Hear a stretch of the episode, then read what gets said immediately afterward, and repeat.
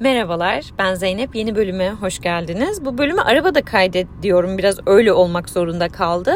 Arkadan klima sesi geliyorsa eğer, umuyorum ki çok rahatsız edici değildir. Ee, kusura bakmayın.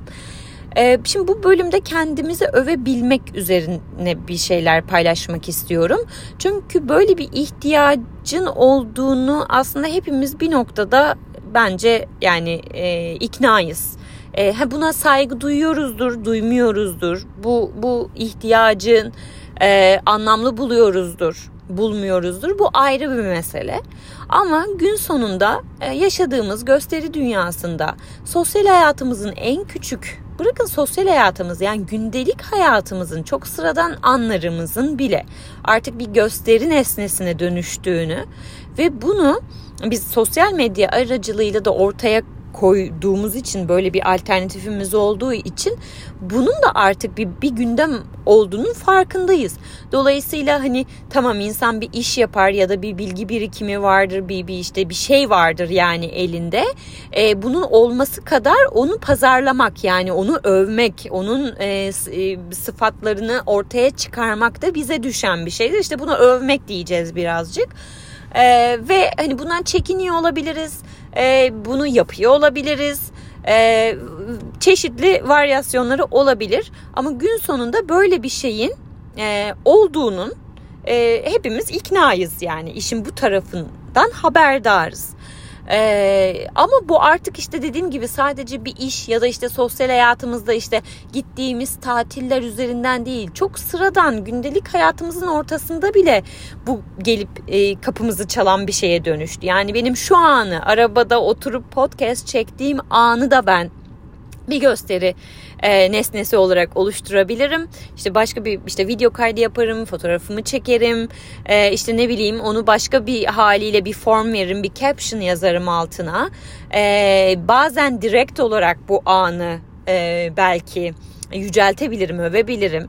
Bazen daha başka formlar bulabilirim buna böyle. E, ama alt metin aslında yine aynı yere doğru gider. E, aynı motivasyona işaret eder. Ama sonuç olarak sadece böyle bir anın bile ben e, bir bir ürüne dönüştürebilirim. Dolayısıyla şimdi bunlar hayatımızda yer edinmeye başladığı için e, bu işte övme meselesi, insanın kendini övebilme, e, ortaya koyabilme e, meselesi de daha sık bir şekilde gündemine girer hale geldi. O yüzden hiçbirimiz yani diyemeyiz ki ya ben bundan nasibimi almadım hani ben bu buraya çok da kafa yormuyorum aslında. E, çok diyemeyiz herhalde. Yani çok kafayı yormuyor olabiliriz de e, sonuç olarak farkındayız yani buradaki bir şeylerin. Şimdi ben bu benim için de bir gündem. Yani sonuçta işte yaptığımız işler var, işte görünür olma ihtiyacımız var. Yani sadece görünür olma ihtiyacı değil aslında yaptığımız işleri iletme ihtiyacımız var. Ee, hadi geçtim işin sosyal tarafını ya da kendi varlığını, değerli olduğunu işte çok gündelik hayat detaylarında bile karşı tarafa kanıtlama ihtiyacını.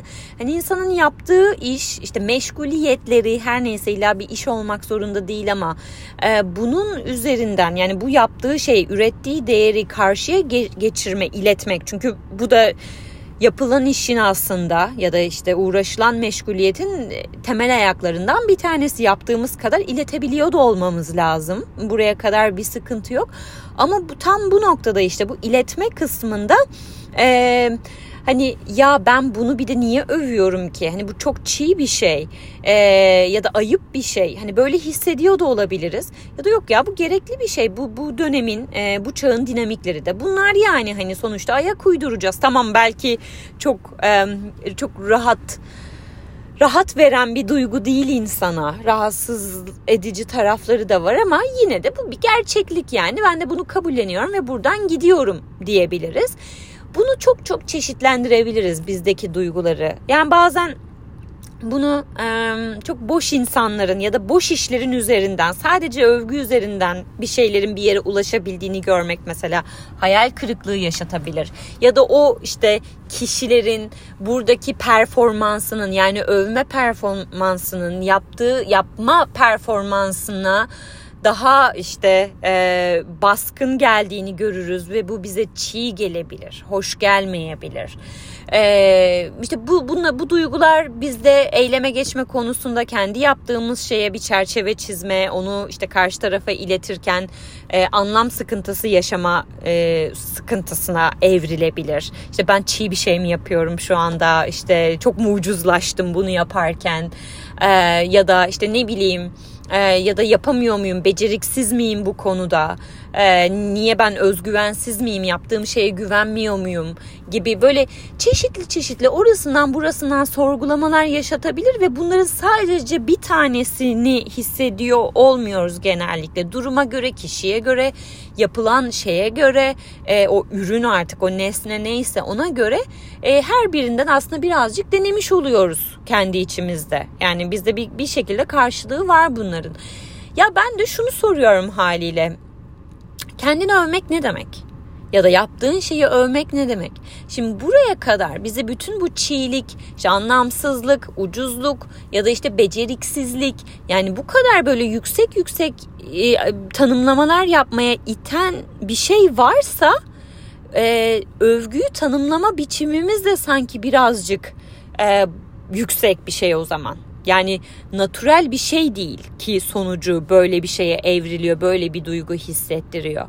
Fakat en nihayetinde biz övmek derken övmek belki zaten kelime burada e, haliyle bir e, çok natürel olmayan bir şeye de işaret ediyor olabilir ama bu kelimeyi kullanıyoruz genellikle. Ama biz bir şeyi işte satmak, pazarlamak, e, parlatmak, ee, yani bunları dediğimiz zaman sanki sahte bir şey yapıyormuşuz gibi, olmayan bir şey yapıyormuşuz gibi. Dolayısıyla hep bir şey, e, bir onu aklama çabası. Ama abi işte şey böyle, düzen böyle filan ya da e, hani onun karşısında yetersiz hissetme ya da daha işte ne bileyim güçlü hissetme hali filan. Ama en nihayetinde orada bir bir şey var bizden ayrı ve e, biz bir biçimde ona kendimizi ikna etmeye çalışıyoruz ya da ona kendimizi yetiştirmeye çalışıyoruz ama bu da şunu söylüyor işte bu doğal bir şey değil. E doğal olmayan bir şeye insan kendini nasıl ikna edebilir ki? Yani bu kavga bitmez ki bu noktada. Her haliyle bir şey hissettiriyor olacak bize. Şimdi ben de bunu kendi yani kişisel hayatımda yaşadığım bir şey bu. Ee, hani bir şey ne kadar e, yani ben onu ne kadar nasıl ifade etmeliyim? Yani hem onun yaptığım şeyin arkasında durmak isterim. Kendi farkındalığımı da kaybetmeden. Yani işte atıyorum bu bir iş olsa e, hani bilgi birikimimi göz önünde bulundurmak isterim.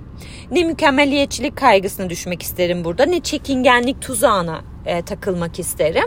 Hani olan neyse o ve bunu karşıya iletebilmek isterim. Ben bu işi yapıyorum böyle böyle yapıyorum falan gibi. Hani burada iyi yaparım abi işte şöyle böyle falan böyle bir gaza gelmek üzerinden bir iletişim dili değil de ee, filan. Yani hani bilmiyorum şu an nasıl tarifleyeceğimi bilemedim.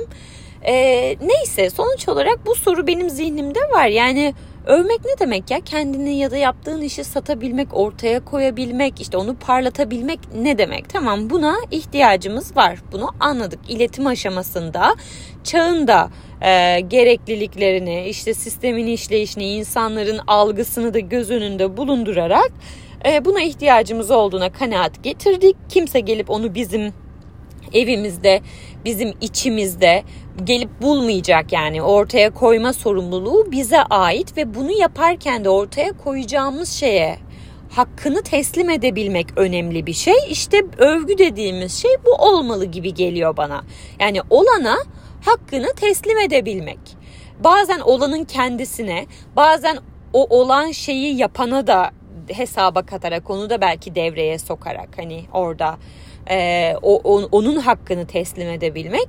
Çünkü bunu hani başkalarına yaptığımız zaman çok rahatlıkla yapabiliyoruz. İşte aa Ahmet Usta çok iyi iş yapar ya titizlikle çalışır e, diyebiliyoruz mesela. İşte uykusuz kalır gerekirse şöyle yapar falan ama kendimize gelince Hani bunlar birazcık daha ya acaba çok mu kendimi abartıyorum şu anda ya da işte çiğ bir şey mi yapıyorum şu anda ben kendimi mi övüyorum bu ayıp bir şey mi gibi sorgulamaların içinde de buluyor olabiliriz.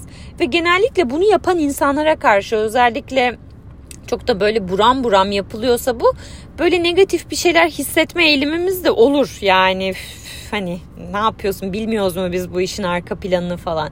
Şimdi işte buradaki benim derdim şu. Yani bütün bu denklemden kendimizi bir, bir çıka çıkaralım. Hani kendime de böyle bir şey hissetmeyeyim. Başkasına da hissetmeyeyim. Çünkü yorucu bir şey ve en sonunda aslında çok da anlamlı bir duygular bütünü değil yani burada olan şey. Yani duygu yine olursa olsun da ben bu ikisi arasından gelip giderek çözmeye çalışırsam, çalışırsam bu meseleyi yani onun bana hani çok ilerlemeci bir şeyi olmayacak yani bu noktada. Neyse soru yine şuraya geliyor. O zaman ben kendimi nasıl övebilirim? Şimdi ben buna teorik bir cevap vermek yerine Hı, o zaman şöyle yapmalıyım. Bundan sonra böyle yapacağım. Bundan sonra ben de kendime hakkımı teslim edeceğim ve yeri geldiğinde kendimi ortaya koyacağım filan ya da işte yaptığım işi küçümsemeyeceğim işte sessiz kalmayacağım filan gibi böyle arada şey yapıyor olabiliriz. Ama bunun da çok çalışmadığını görürüz yani deneyimlerimizle. O yüzden işte bu bu, bu çok şey ee, çok çok yüzeysel bir yerde bu sorgulama ve bir yere taşımıyor bize. O yüzden de ben buna işte bir tane teorik bir cevap, işte bir planlama, bundan sonra böyle yapayım o zaman, şöyle hakkımı teslim edeyim o zaman gibi bir cevap aramak yerine kendi hayatımda illaki illaki bir şeye yaptığım bir şeye ya da neyse artık ne olduğunun çok büyük bir önemi yok. E, te, hakkını teslim ettiğim şeyler illaki vardır. Vardır yani.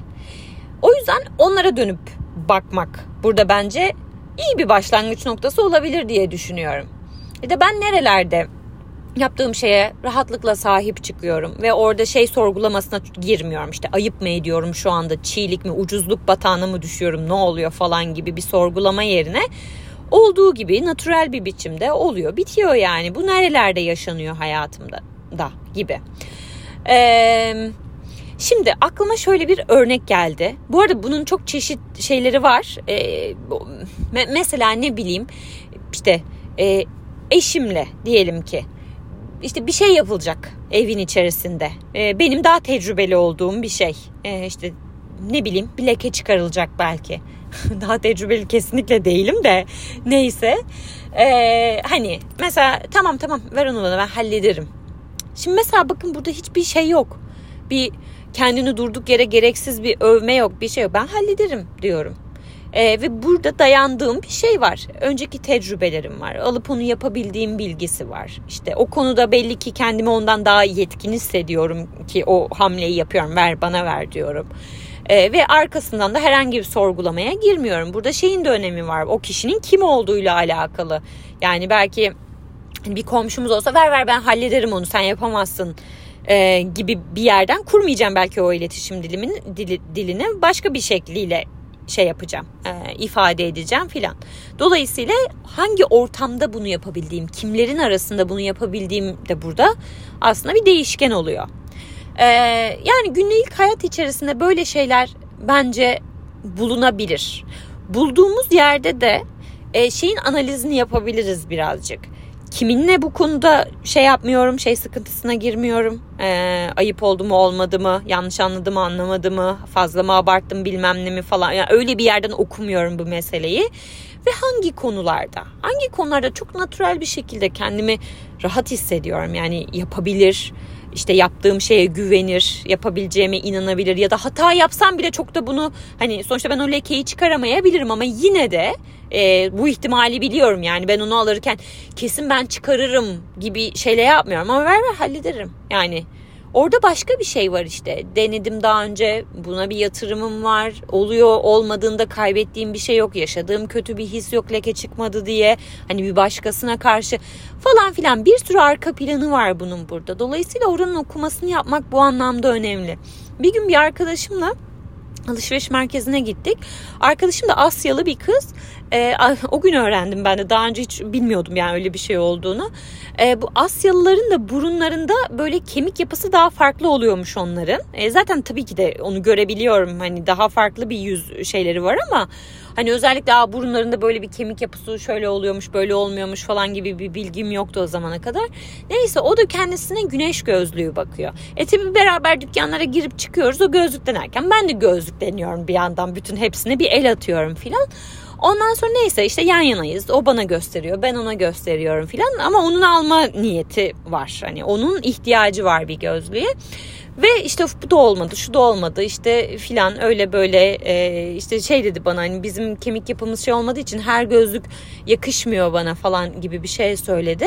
E, ondan sonra ben de ona dedim ki ya dedim sen sakın dedim beni referans alma hani bana dedim bütün gözlükler yakışır.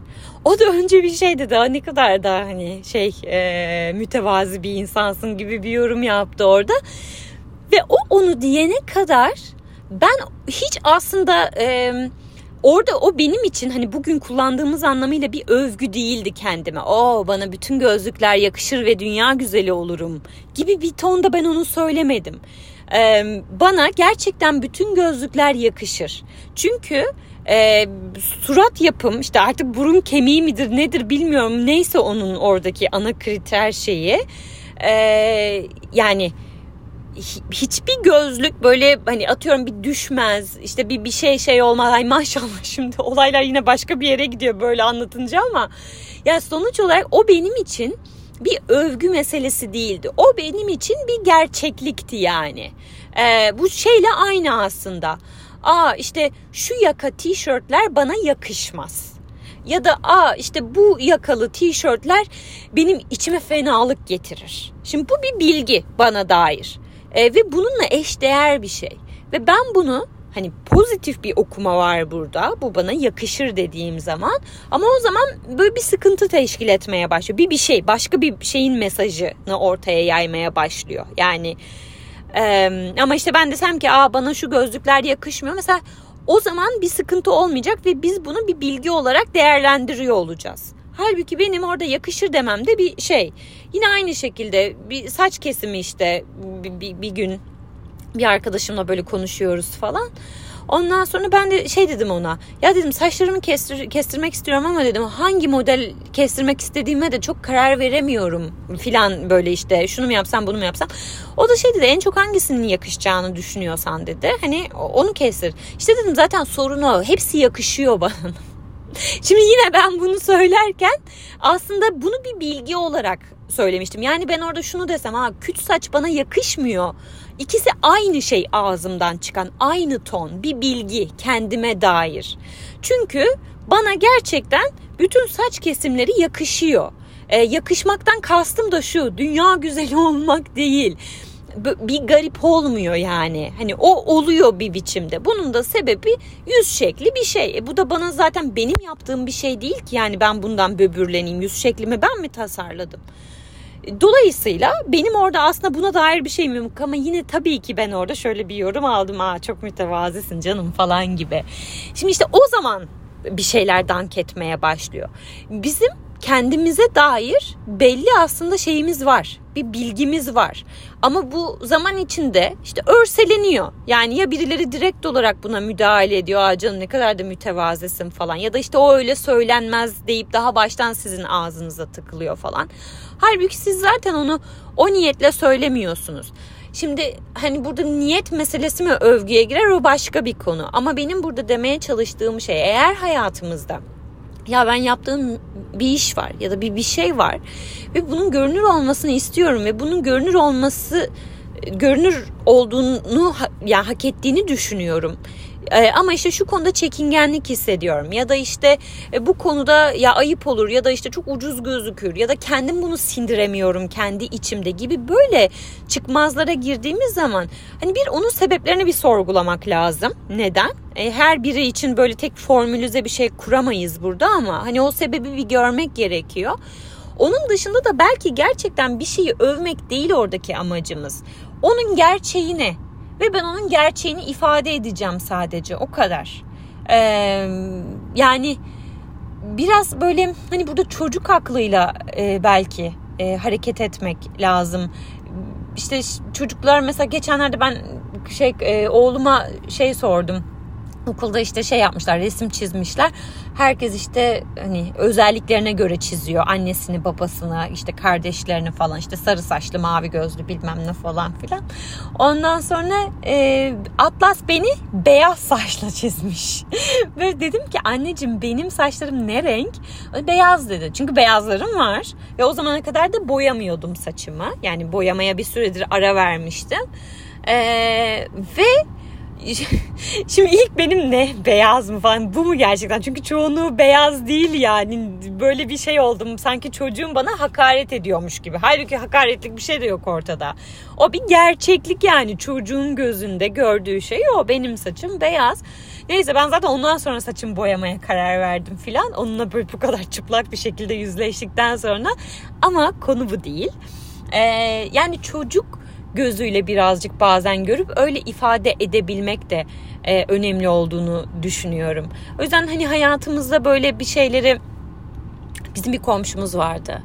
Yani yakın bir zamana kadar da her fırsatta böyle bir alaycı bir üslupla örnek olarak kullandım yani bunu.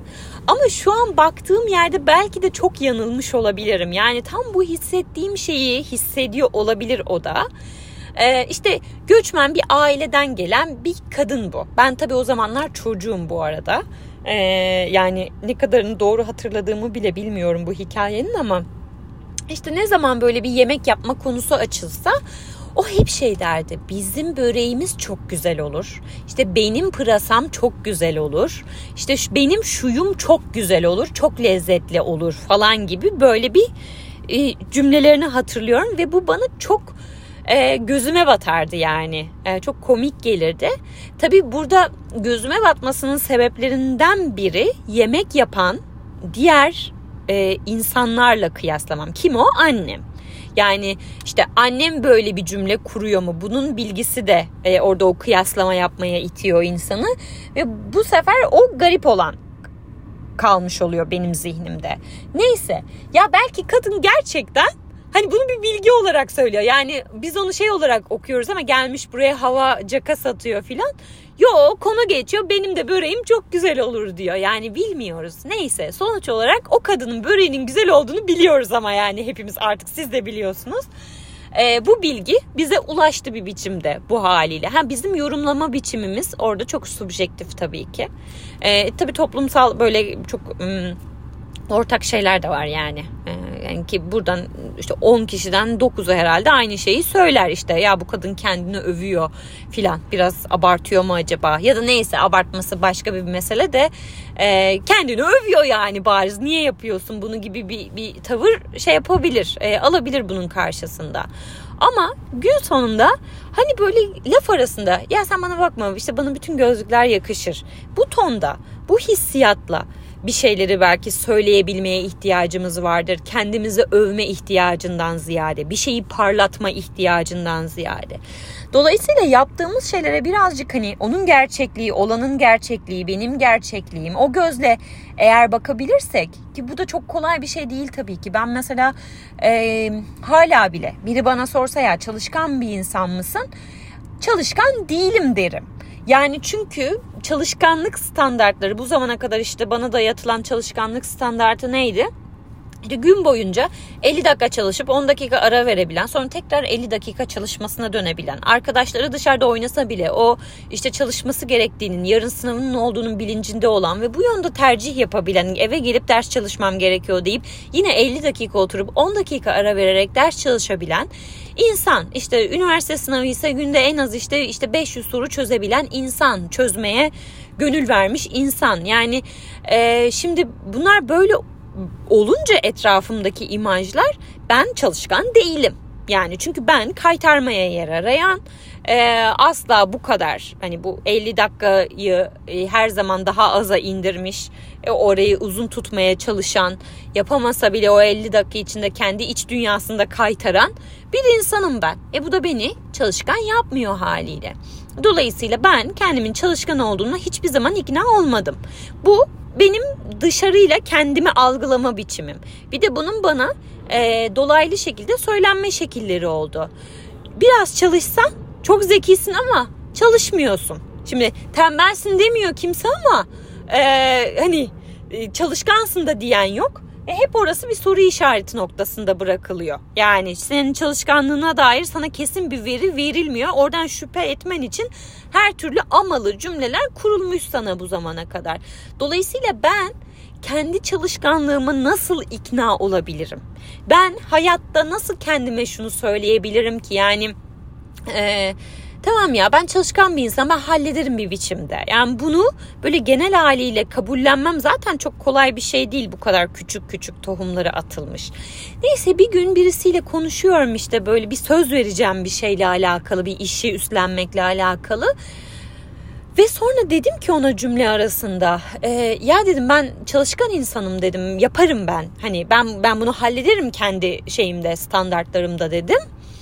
Ve sonrasında inanamadım, inanamadım. Belki hayatımda ilk defa kendimle alakalı ben çalışkan insanım kelimesini yani bunu, bunu cümle içinde kullandım belki ilk defa ve inanarak söyledim. Övmek için değil, durumu kurtarmak için değil ya da ya karşı taraf hazır beni tanımıyor. Ben buradan kendime bir yeni bir şey imaj oluşturayım. Ee, böyle bir projeyle değil. Gerçekten öyleydi. Yani hissettiğim şey oydu. Çünkü o konuştuğumuz konu özelinde, o işi yapma özelinde kendimce bütün o bağı kurabildim. Yani ya ben bu iş bu işi yapabilirim. Ben bununla şu an e, ilişki kurabiliyorum yani zihnimde o bağı kurabiliyorum. Dolayısıyla da bunu yapabileceğime dair inancım var. Bende bir karşılığı var. Zihnimde bir şeyler oluşuyor. Ve böyle olduğunda da ben çalışkan bir insanım. Yani dönüyorum hayatıma bakıyorum. Sorumluluk üstlenebilen. Ha belki başkalarının sorumluluk dediği şeye çok yakın düşmüyor ya da işte çalışmaktan gocunmayan yine başkalarının dediği forma belki çok yakın düşmüyor ama kendi kendi dünyamda, kendi kurallarımda aslında böyle biriyim. Ve onu ilk kez cümle içinde böyle kullandıktan sonra tabii bu böyle birdenbire olmadı yani bu meseleyi kafamda düşün düşünüyorum çok uzun süredir. Ee, bir yerden başladı yani bu. Ee, kendimi eleştirerek, kendimi yücelterek işte oraya buraya böyle çarpa çarpa çarpa çarpa kendimle alakalı ya ben ben neyim? Yani ben çalışkan mıyım? Ben sorumluluk üstlenebilen biri miyim? Bu, bunlar benim için ne anlam ifade ediyor bu kavramlar? Hayatımda zaten sorgulamaya başlamıştım bir süre öncesinde ve kendimce küçük küçük bir yerlerde bir, bir şeyler yakalamaya başlamıştım yani. Kendi ezberimi bozmaya başlamıştım. İşte bu da ancak soru sormayla mümkün e, insanın kendi hayatında. E, yavaş yavaş yavaş yavaş insan o progresi kendi içerisinde görmüyor. Bugün biraz daha ilerledim. Çalışkan olduğuma birazcık daha ikna oldum gibi bir şeyle ilerlemiyor tabii ki ama yani o, o soruları sorduğunuz zaman kendi hayatınızda yakaladığınız yerler aa bak hani herkesin bildiği formda değil ama burasından kavrayabiliyorum. Ya da burada hiç şeyim e, üstlenmek konusunda sıkıntı yaşamıyorum. Ya da sıkıntı yaşasam bile sürdürme eğilimim var. Ya da tutunduğum değerler var. Bak benim işte çalışkanlık dediğim ya da işte istikrar dediğimin e, şeyleri bunlar ayakları bunlarmış meğer. Mesela yavaş yavaş işte onları insan böyle görmeye başlıyor. Küçükler küçük olaylarda, büyük olaylarda her neyse yavaş yavaş yavaş yavaş yaşıyorsun bu sorularla, yakaladığın şeylerle falan. Sonra bir gün geliyor bir dakika ya benim o meseleye karşı kendimi tanımlama biçimim değişmiş içsel olarak ve şimdi artık ağzımdan çıkabiliyor. O yüzden çok çok hoşuma gitmişti. Benim için çok kıymetli yani kendi kişisel tarihimde gerçekten böyle şey dönüp böyle gözlerimin dolduğu anlardan bir tanesi bunu kendim için diyebilmek. Çünkü yarasını da çok yaşadığım bir şeydi. E, neyse kendi dertlerimle yine boğmayayım sizi. Ama sonuç olarak burada mesele kendimi parlatabilmek bir çaba olmamalı. Yani o zaten var. Yani bir yerde ben bir şey yapıyorum. Bende bir şey var. Ortaya çıkardığım bir şeyde bir şey var ve onun özellikleri var.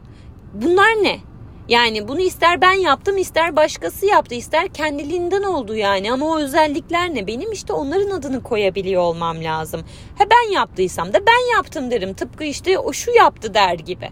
Dolayısıyla yine burada aslında mesele işte övgü, yerme, işte şöyle böyle abartma, işte çekinme.